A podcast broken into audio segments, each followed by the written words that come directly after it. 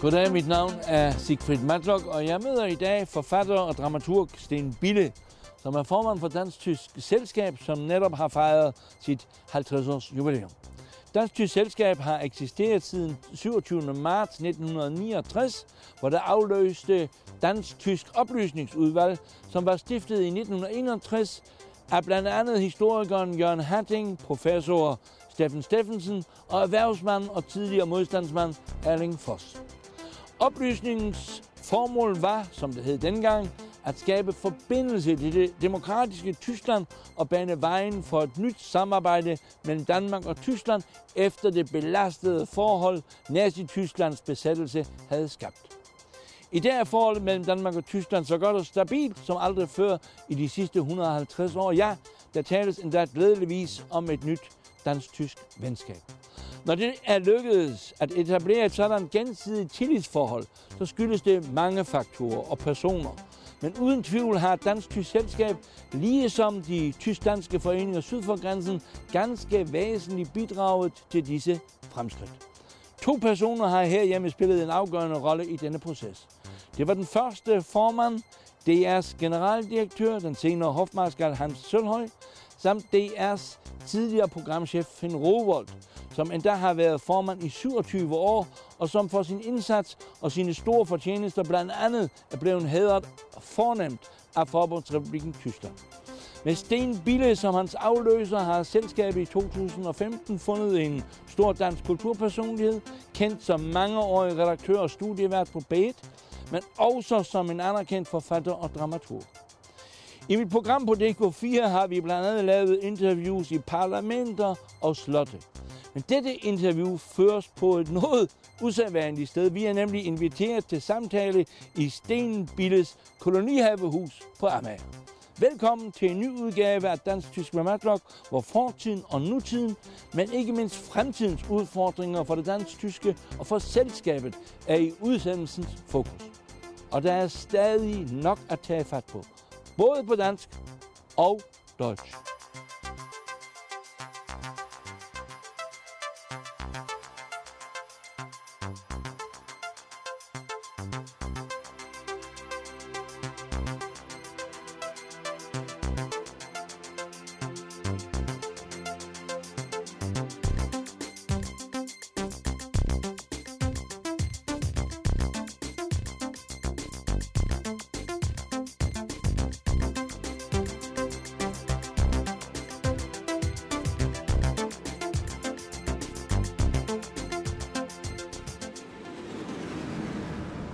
Sten Bille, du er uh, formand for Dansk-Tysk Selskab, Deutsch-Dänische Gesellschaft, som netop har fejret 50 års jubilæum. Tillykke med det. Lad os uh, begynde vores uh, samtale med uh, et spadestik i historien. Forbundsrepublik Tyskland har nu eksisteret i 70 år. I år fejrer man murens fald 30 år siden. Og midt imellem 1969 blev Dansk Tysk Selskab grundlagt. Hvorfor tog det så lang tid? Der var flere, øh, flere aspekter i det. Der var naturligvis sporene efter krigen, besættelsen af Danmark, som øh, betød, at man lagde lidt afstand til Tyskland. Man synes, at det var nogle mærkelige nogen, og desuden var det jo det store fjendebillede. Så øh, var der også den, den ekstra faktor, at der under krigen, under besættelsen, havde eksisteret en dansk-tysk forening, som var et mødested for dels danske og tyske Blev nazister. grundlagt i juli 1940. Netop. Ja. Og øh, du, jeg tror, du kan årstallet bedre, end jeg kan. Og øh, så gik der en rum tid efter krigen, inden man tænkte, at nu kunne man begynde at tage kontakt til det demokratiske Tyskland. Og så lavede man en, et oplysnings øh, forening, hvor man så skulle øh, gennem en optagelsesproces for at få lov til at være med, ved det, at man ville undgå, at nogle af de gamle nazister ville øh, søge ind til den her nye sammenslutning. Senere igen, og det var så i 69, så sagde man, okay, nu behøver vi ikke at, øh, at øh, gå så stille med dørene mere. Nu øh, vil vi gerne i kontakt med, med Tyskland og gerne formidle øh, tysk kultur til Danmark igen. Og der var åbne døre, der var åbne åbne øjne og åbne ører for at, øh, at beskæftige sig med Tyskland igen. Og det betød så i 69, at øh, man dannede Dansk-Tysk Selskab den 27. marts. Ja, og det er jo interessant, det hedder selskab, fordi man jo netop på baggrund af det, som du nævnte med historiens ballast, ikke ville kalde dansk-tysk forening igen. Uh, lad mig uh, uh, lige skrue tiden tilbage med det der oplysningsforbund, som jo blev startet i 1961. Det, som jeg synes er, er bemærkelsesværdigt, det er, at øh, øh, de kræfter, som startede på det dansk-tyske oplysningsforbund, var tidligere modstandsfolk. Øh, øh det var øh, øh, lektorhistorikeren Jørgen Hatting, det var erhvervsmanden øh, Erling Foss, det var Ebbe Munk, det var Børge Autzen, det var Per Federspil. Alle dem, de var primus motor i det der opløsningsarbejde.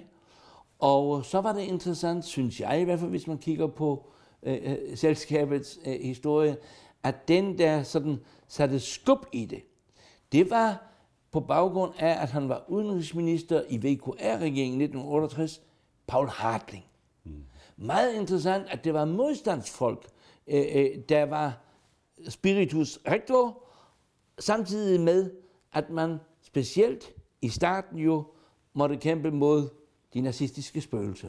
Ja, og fordommene over for tysker og Tyskland og tysk kultur og tysk hvad som helst.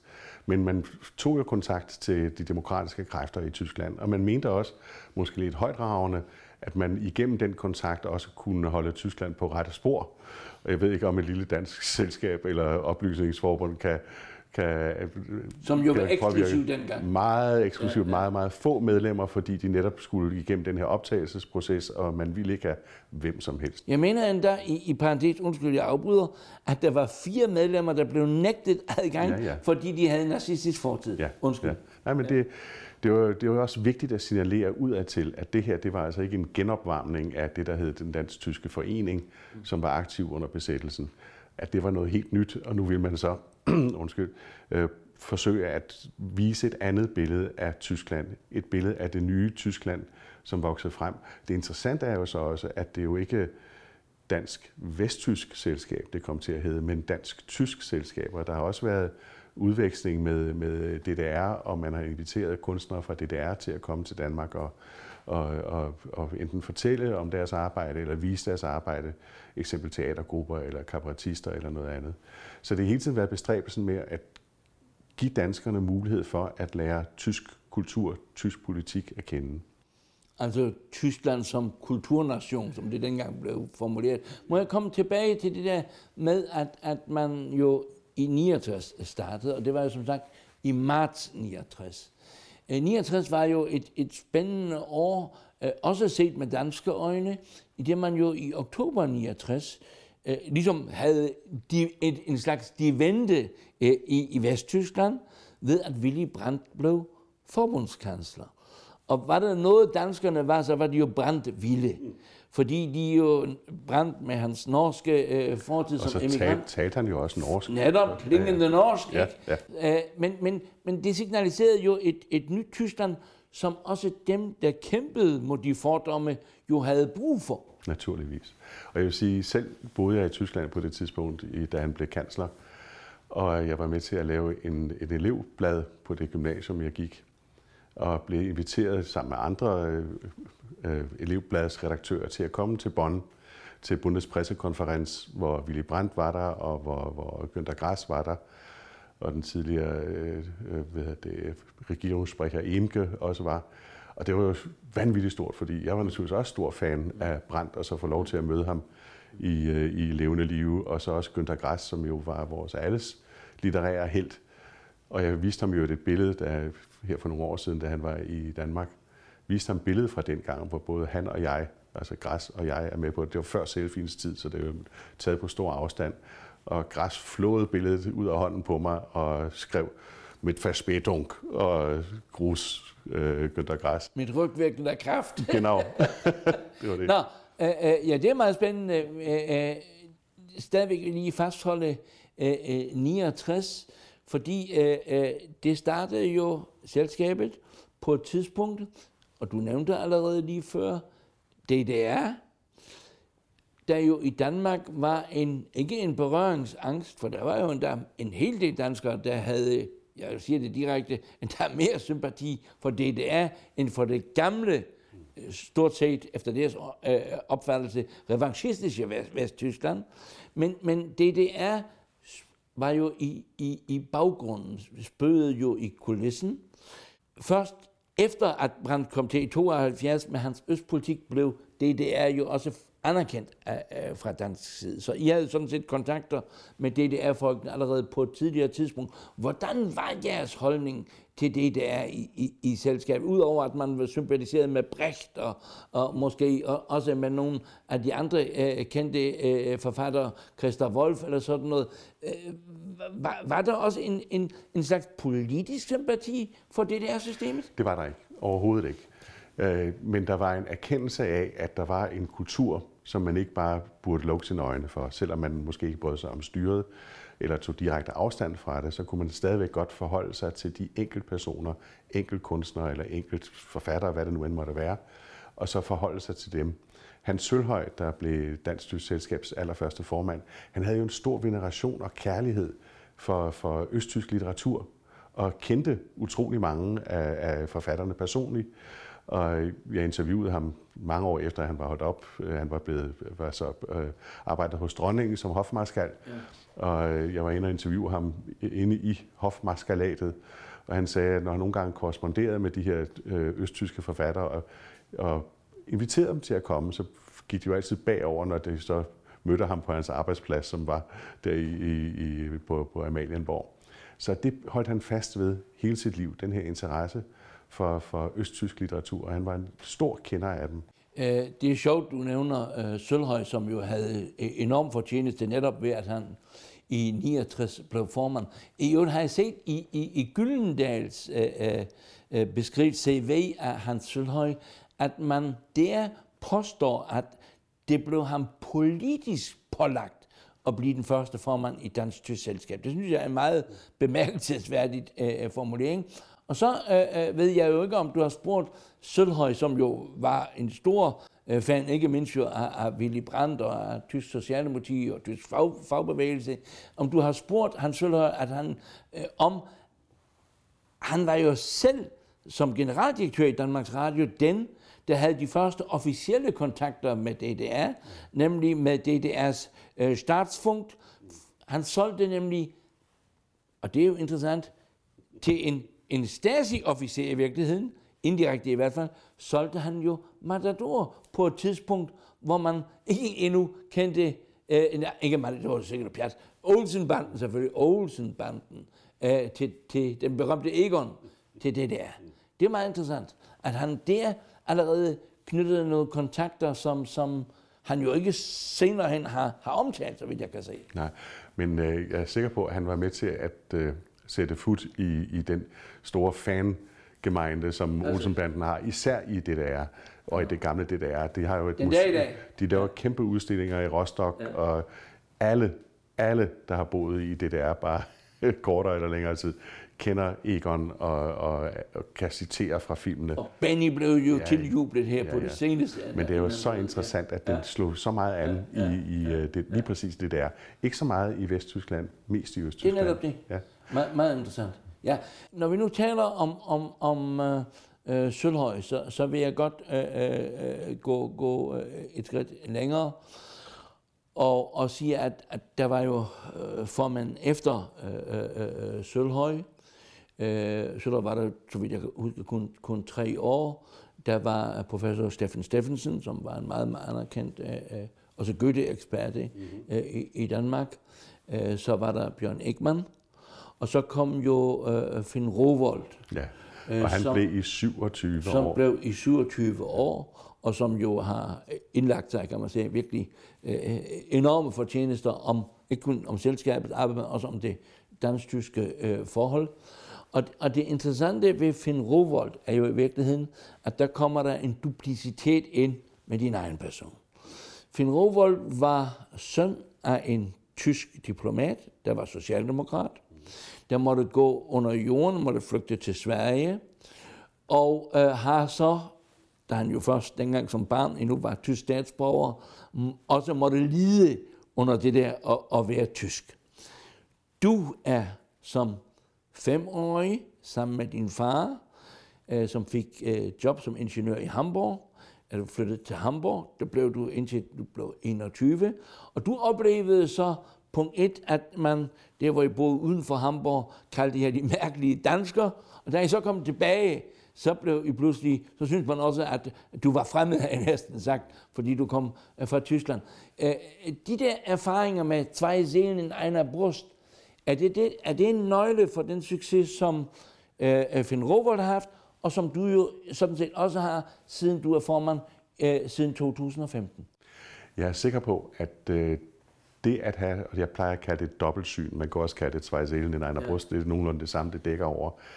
Det at kunne være en integreret, fast del af en kultur, og en anden kultur ved siden af, uden at man føler sig splittet, man føler sig beriget, at man kan se på sin egen kultur. Jeg kan se på den danske kultur med øjne, der har en vis distance, fordi jeg har jo også mine erfaringer fra Tyskland og med det tyske sprog, og jeg kan se på Tyskland med en vis øh, distance, fordi jeg har den danske baggrund, jeg har.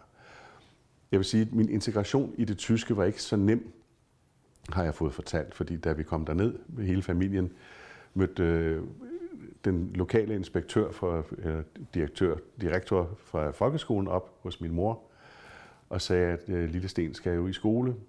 Og så sagde hun, nej, vi vil gerne vente et stykke tid, fordi øh, nu vil lige ankomme, og jeg var seks år dengang, vi vil gerne vente til han er syv. Så sagde han, nej, altså, nu skal du høre, eller nu skal de høre, fru Bille, øh, der er undervisningspligt, skolepligt i Tyskland. Mm. Og det vil sige, hvis han ikke kommer frivilligt, så sørger jeg for, at der er en flink betjent, der står her hver morgen og følger ham i skole.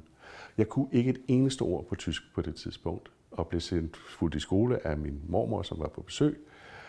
Og det har jeg så også de første tid glemt at fortælle min klasselærer, at jeg var udlænding. Så jeg reagerede jo ikke, når jeg blev tiltalt, fordi jeg fattede jo ingenting overhovedet. Og hvis de fik besked om, at i morgen, der mødes vi i gymnastiksalen i stedet for i klasseværelset, forstod jeg heller ikke den besked, så jeg vendte om og gik hjem igen, fordi min klasse var jo væk. Jeg kunne ikke spørge nogen om det. Det er altså noget, som jeg ikke kan huske noget som helst af. Heldigvis, tror jeg. Det er noget, jeg har fået genfortalt af familien. Men øh, man må så også sige, at man lærer jo et sprog hurtigt, hvis man for det første er, ikke er ret gammel, og for det andet så er tvunget til det, sådan som jeg var. Da jeg så som 21-årig kom tilbage til Danmark for at læse på Aarhus Universitet, der talte jeg det sprog, som vi talte hjemme hos os. Og det sprog, det var det, mine forældre havde medbragt. Det vil sige, at jeg talte det i 70'erne, det sprog, som man talte på Frederiksberg i 50'erne. Så jeg har lyttet som dronning Margrethe, øh, og så var der også visse ord, som jeg ikke rigtig kendte på dansk. Så brugte jeg fremmedord, for de fremmedord er stort set de samme på dansk og på tysk. Så det tog lang tid, inden jeg kunne begynde at få venner, fordi de troede, jeg var en snop uden lige, fordi jeg lød underlig og brugte ufattelig mange fremmede ord. Så det, det var et stykke tid, og der følte jeg mig meget, meget fremmed i, i, i Danmark. Selvom jeg tog hele min opvækst har været på ferie i Danmark og besøgt dansk, min, vores danske familie og haft besøg af dem i Tyskland, så var det alligevel en, en øjenåbner for mig at komme hjem. Hvis vi øh, drager en parallel mellem, mellem Finn Rowold og dig som person, øh, så kan man sige, at Finn Rowold, hans far øh, Karl øh, Rowold, var jo som sagt øh, tysk diplomat og blev senere hen efter 45 øh, tysk ambassadør øh, øh, på Island. Øh, at, at Finn Rowold endnu arbejdede i en tid, hvor der var mange fordomme på grund af fortid, nazismen. Din opgave som formand er vel, øh, jeg ved ikke AFD, om man kan sammenligne AFD med, med nazismen, det, det er så et andet øh, øh, emne, som vi kunne diskutere. Men, men din opgave er vel trods alt at formidle et, et andet Tysklands billede i dag, end, end, end det der, der som sagt især havde præg af en, en, en bekæmpelse af de, af de onde tider. Mm. Ja, det er der naturligvis. Men øh, jeg vil så sige, omvendt også er der en opgave at forklare tyskerne, hvilket land Danmark har udviklet sig til at være med stadige stramninger af udlændingelovgivningen på mange måder, at der er kommet et hegn, et vildsvinerhegn nu øh, mellem øh, Danmark og Tyskland, som de gør vældig meget grin med sydpå at formidle et andet billede af Danmark til dem også. Og sige, jamen vi er ikke nogen, der hader alle fremmede. Vi er ikke nogen, der går og spytter efter jer. Selvom jeg er godt klar over, at der er nogen, der gør det, men sådan er det ikke hovedparten. Så det går begge veje. Og når man skal forklare tysk kultur, tysk politik til danskere, så er den første opgave jo at fortælle dem, at Tyskland er mere end Berlin. At øh, der er et stort land rundt om Berlin, og Berlin faktisk har sin helt egen kultur, som man kunne sige, selvom det jo ikke har den særstatus, som det havde øh, før, før øh, ved det, genforeningen, så er det jo stadigvæk et meget, meget særligt sted. Og de fleste danskere tænker kun på Berlin. Så er der nogen, der har været i Hamburg en enkelt gang eller to, og måske endda i den nye filharmoni, Elfilharmoni. Øh, og enkelte måske endda i München, men så er der også Oktoberfest. slut. Oktoberfest. ikke? det kan man. Men øh, når nogle af mine, mine tyske venner fortæller mig, at de forrige sommer kørte rundt i et eller andet sted op i, ved, ved, ved vestkysten i en tysk indregistreret bil, og så var der nogle øh, små drenge, der stillede sig op og lavede øh, Hitlerhilsen. Så er det, man tænker på, hvor er det, hvad er det for nogle ting, der bliver givet videre til, til fordi der er jo ikke, de har jo ikke oplevet besættelsen, de her små drenge. Det har deres forældre heller ikke. Muligvis deres bedste forældre, men det er ikke engang sikkert. Men der er stadigvæk nogle associationer i forhold til tyskere og Tyskland, som, som øh, florerer alle mulige steder. Og der er vores opgave som selskab jo at give et mere nuanceret billede af det store land, der ligger øh, lige sydpå. Et land, hvis sprog de færreste taler og kan forstå. Hvis vi kigger på, på, på Tysklands billede i, i dag i Danmark, så er det jo sådan, det viser i hvert fald meningsmålinger med alt forbehold, at, at uh, sympatien for Tyskland aldrig har været større. Og, og uh, betydningen uh, af Tyskland er jo også voksende. Uh, Hans Søller havde næsten uh, profetiske uh, gaver, uh, fordi han i 1988 i et foredrag sagde, at alt det der med det engelske, øh, det har selvfølgelig noget baggrund med, med befrielsen at gøre. Øh, øh, det er efter hans mening var sværmeri. Den vigtigste partner er Tyskland. Og det sagde han i 1988 øh, til danskerne. Og, og det, det synes jeg jo også, at man rent politisk øh, får at vide fra øh, både statsministeren og udenrigsministeren, øh, uanset hvilken regering øh, de tilhører.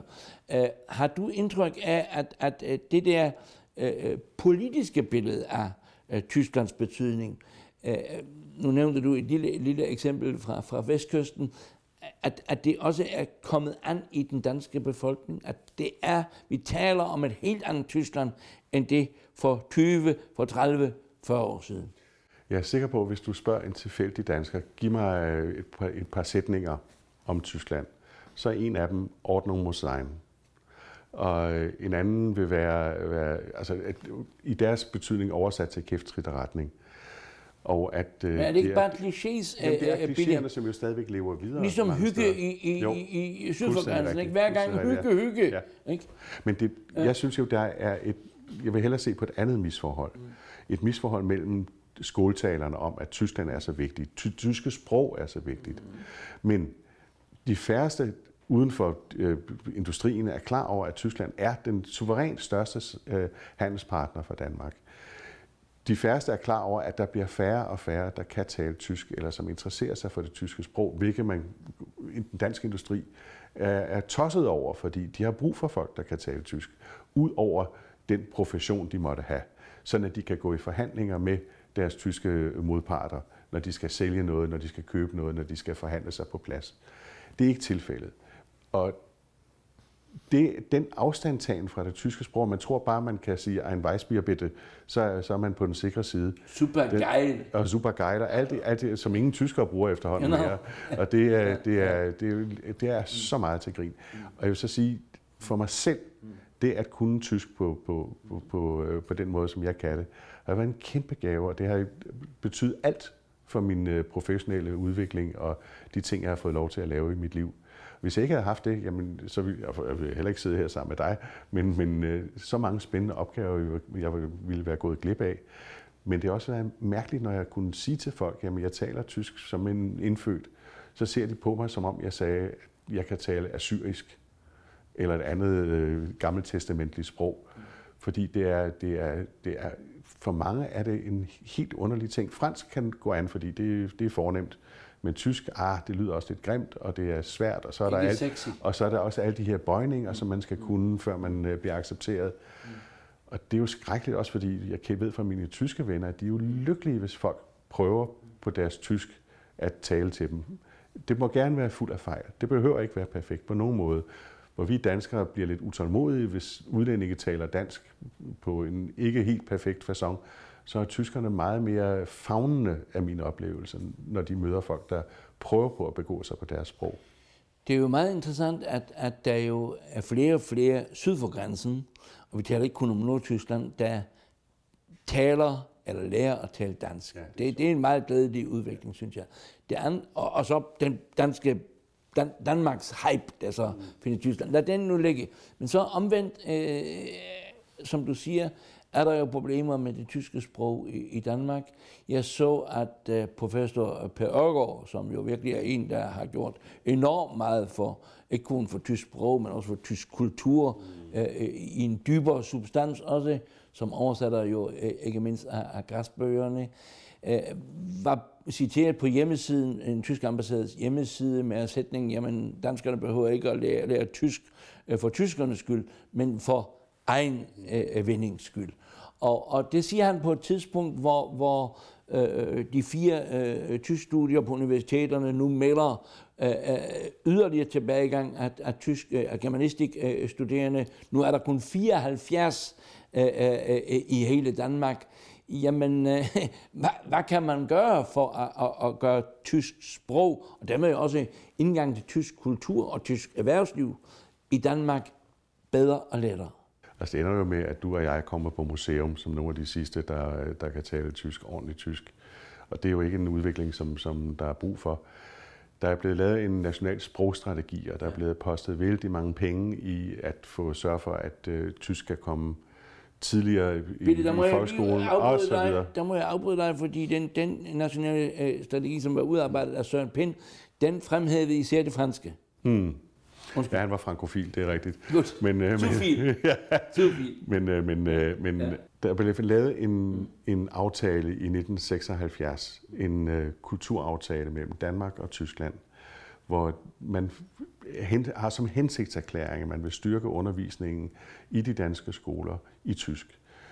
Der kan man så sige, at det er ikke sket. Og man er jo nødt til at starte forholdsvis tidligt, ikke for at gentage det, der skete med mig, at man skal gøre det fra, fra 0. klasse, men starte så tidligt som muligt med det. Og opgive troen om, at bare du kan engelsk, så behøver du ikke at lære mere og andet sprog end det. Jeg vil sige, det at kunne et sprog på tidligt tidspunkt betyder også, at man så senere hen kan lære andre sprog. Altså jeg har lært at tale både spansk og italiensk, øh, uden det store besvær. Nu har jeg desværre glemt det mest igen, ikke? men jeg kunne det på et tidspunkt. Også lidt arabisk, fordi når din, når din hjerne først er, er blevet gjort klar, det er det billede, jeg bruger, jeg ved ikke, om det holder i lægeverdenen, er gjort klar til at optage endnu et sprog, så kan det tredje, fjerde, femte sprog også nemt være der. Og det alene den ting, synes jeg jo er vigtig, fordi du møder jo kun et andet land på deres, dets kultursbetingelser, hvis du også kan sproget. Øh, Sten Bille, øh, øh, du nævnte selv, at, at da man startede, var man eksklusiv klub. Øh, på et tidspunkt, hvor som sagt forholdet aldrig har været bedre, og 2020 kommer jo også 100-årsdagen for genforening, er jo Fride, Freude, Ejerkuchen, det hele. er, er jeres klub uh, kommet ud over det elitære? I er jo aldrig blevet en, en folkelig bevægelse. Nej, det kan man ikke påstå. Vi har omkring øh, 300 medlemmer, ja. så det, der er sgu en del mere til for at blive folkelig. Nej, vi gør det så godt vi kan, og vi prøver på at gøre opmærksom også på de danskere, der, der gør noget for at formidle et andet Tysklands billede. Altså, du har selv modtaget Dansk-Tysk pris, som vi uddeler med ujævne mellemrum. Det var i, var det i 95, du fik den. Tak. Og, og sidst ja. vi uddelte den var til Tom Buk Sventi mm. i 14, og så har vi just uddelt mm. den til Lykke Friis. Og den uddeler vi sammen med Dansk-Tysk Industri- og Handelsklub ja. som, som øh, udsprang i øvrigt også af Dansk Tysk Selskab. Ja, det må vi heller ikke glemme øh, ja. Dansk Tysk Industri Handelsklub som, ja. en, som en vigtig del de også, af... De er også en ja. vigtig del, fordi ja. de prøver også på, at så med et andet fokus, at skabe viden om, hvad der foregår syd for grænsen. Altså det, det jeg, når jeg nu lidt, lidt provokerende henviste til, at man stadigvæk er en eliteklub, så er det ikke kun fordi, man jo tilbyder øh, meget tysk kultur, han næsten sagt, på Goethe og, og, og Mercedes-niveau. Øh, så er det vel også en, en henvisning til, at, at gennemsnitsalderen 75 eller sådan noget? Ej, nu er jeg blevet formand, så jeg har sænket gennemsnitsalderen lidt. ja, men, men, men det er vel et problem, at de unge ikke interesserer sig nok øh, Men det er jo, altså, jo, jo, jo færre, der kommer ja. ind på tysk-studiet eksempelvis, det det. jo færre er jo så også ja. øh, interesseret i at beskæftige sig med tysk kultur. fødekæden, ja. fødekæden stopper ja. på et tidspunkt. Det kan godt være, at jeg bliver den sidste formand. Det håber jeg ikke. Jeg håber, at der kommer 50 år til.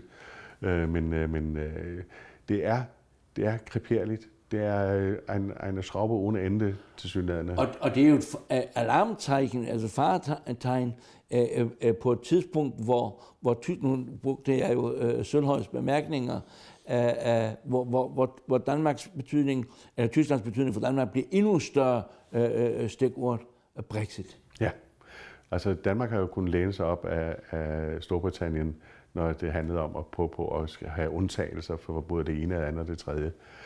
Og det, ja, nu er de jo snart væk, og Danmark har jo ikke allieret på, på samme størrelse længere. Og jeg vil så sige, det var en ting, der slog mig som meget markant, da jeg flyttede fra Tyskland til, til Danmark. Jeg var til, tilhørt venstrefløjen i Tyskland, og tilsluttede mig også venstrefløjen i Danmark. Men de var jo alle sammen EU-modstandere. Det havde jeg så svært ved at forstå, fordi i Tyskland kunne man sagtens være venstreorienteret og glødende EU-tilhængere, eller EF, som det hed dengang. Og, og det er noget, jeg stadigvæk ikke forstår. Hvorfor at man her i Danmark øh, har den afstandtagen til, til, øh, til EU på den måde. Fordi det, som jeg altid har set det som, og som englænderne, eller undskyld, Storbritannien jo så har forladt igen, er, at det har været en fredsskabende faktor.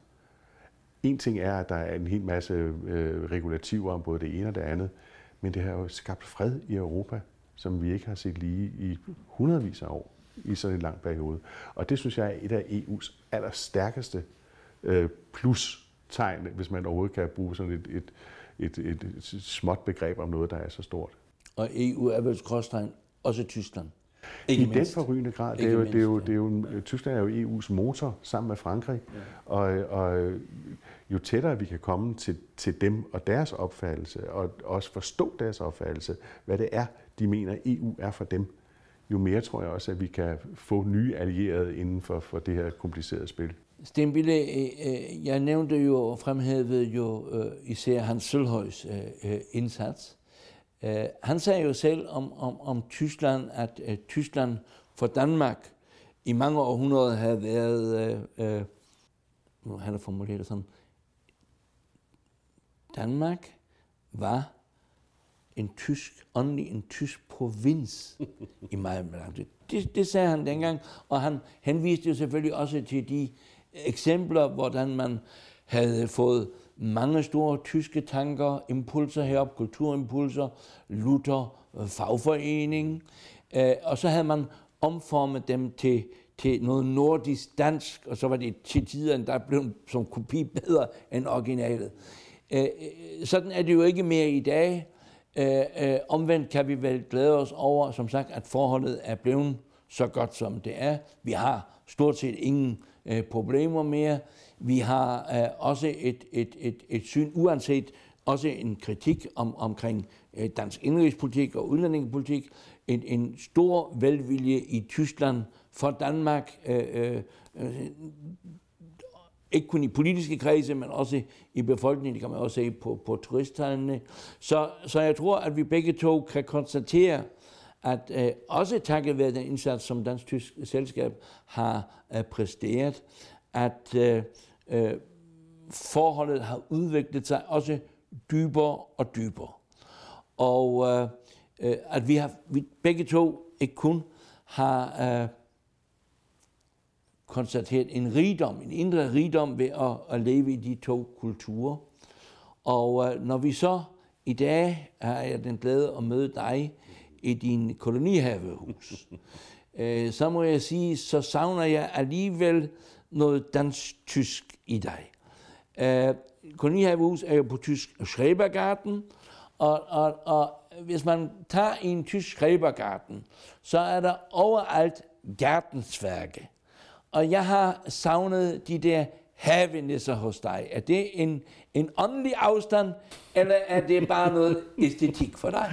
Det er noget æstetik for mig. Vi fik faktisk af nogle af vores venner en, en havenisse, som, øh, som, stod derude, øh, som stod i et vist stykke tid. Så væltede den, og så gik noget af, af, af hugen af. Det mødte gik kaput.